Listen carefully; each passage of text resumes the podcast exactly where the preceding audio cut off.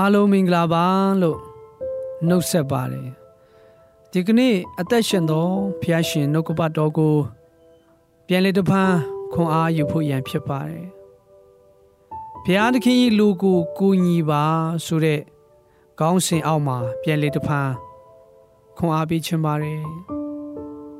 ယောရှုအခန်းကြီး6အပိုင်ငယ်7ခွန်ခခွေပိုင်းကိုဖတ်ခြင်းပါတယ်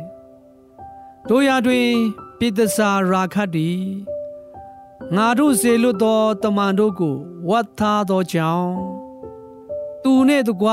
သူဤအိမ်၌ရှိသည်များတို့အားအသက်ချမ်းသာပေးရမည်ကျမ်းစာ၏အတိတ်ဘေကဘာပြောနေသလဲပိသစာရာခတ်တီ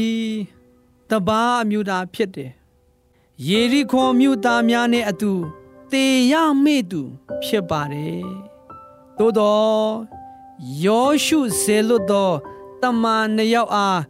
မိမိအသက်ကိုရင်းကဝတ်ထားခြင်းဖြင့်ကာကွယ်ပေးခဲ့သည်ကိုညီလိုက်ခြင်းအားဖြင့်သူနှင့်တကွအိမ်သူအိမ်သားများသည်တေခြင်းမှလွတ်မြောက်ခြင်းအခွင့်ကို ခံစားရကြသည်ဖယားသခင်လူတီးဟုသောတမန်နှစ်ယောက်ကိုရာခတ်ကူညီလိုက်သောကြောင့်ဖြစ်သည်ကျွန်ုပ်တို့၏အတ္တတာ၌လည်းဖယားသခင်နှင့်ဆက်ဆိုင်သော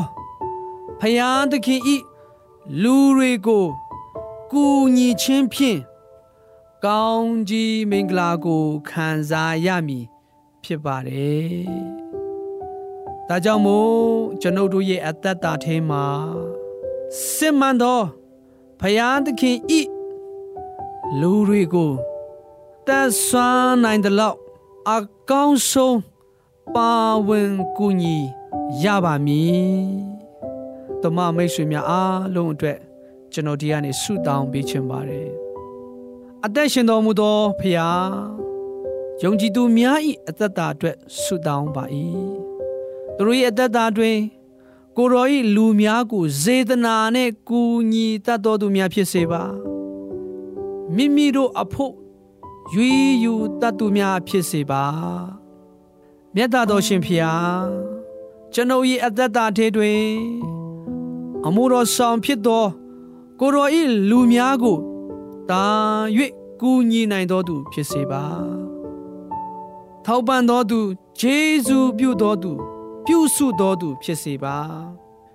မိမိအဖို့အကောင်းဆုံးသောအရာကိုရွေးယူတတ်သူဖြစ်စေပါ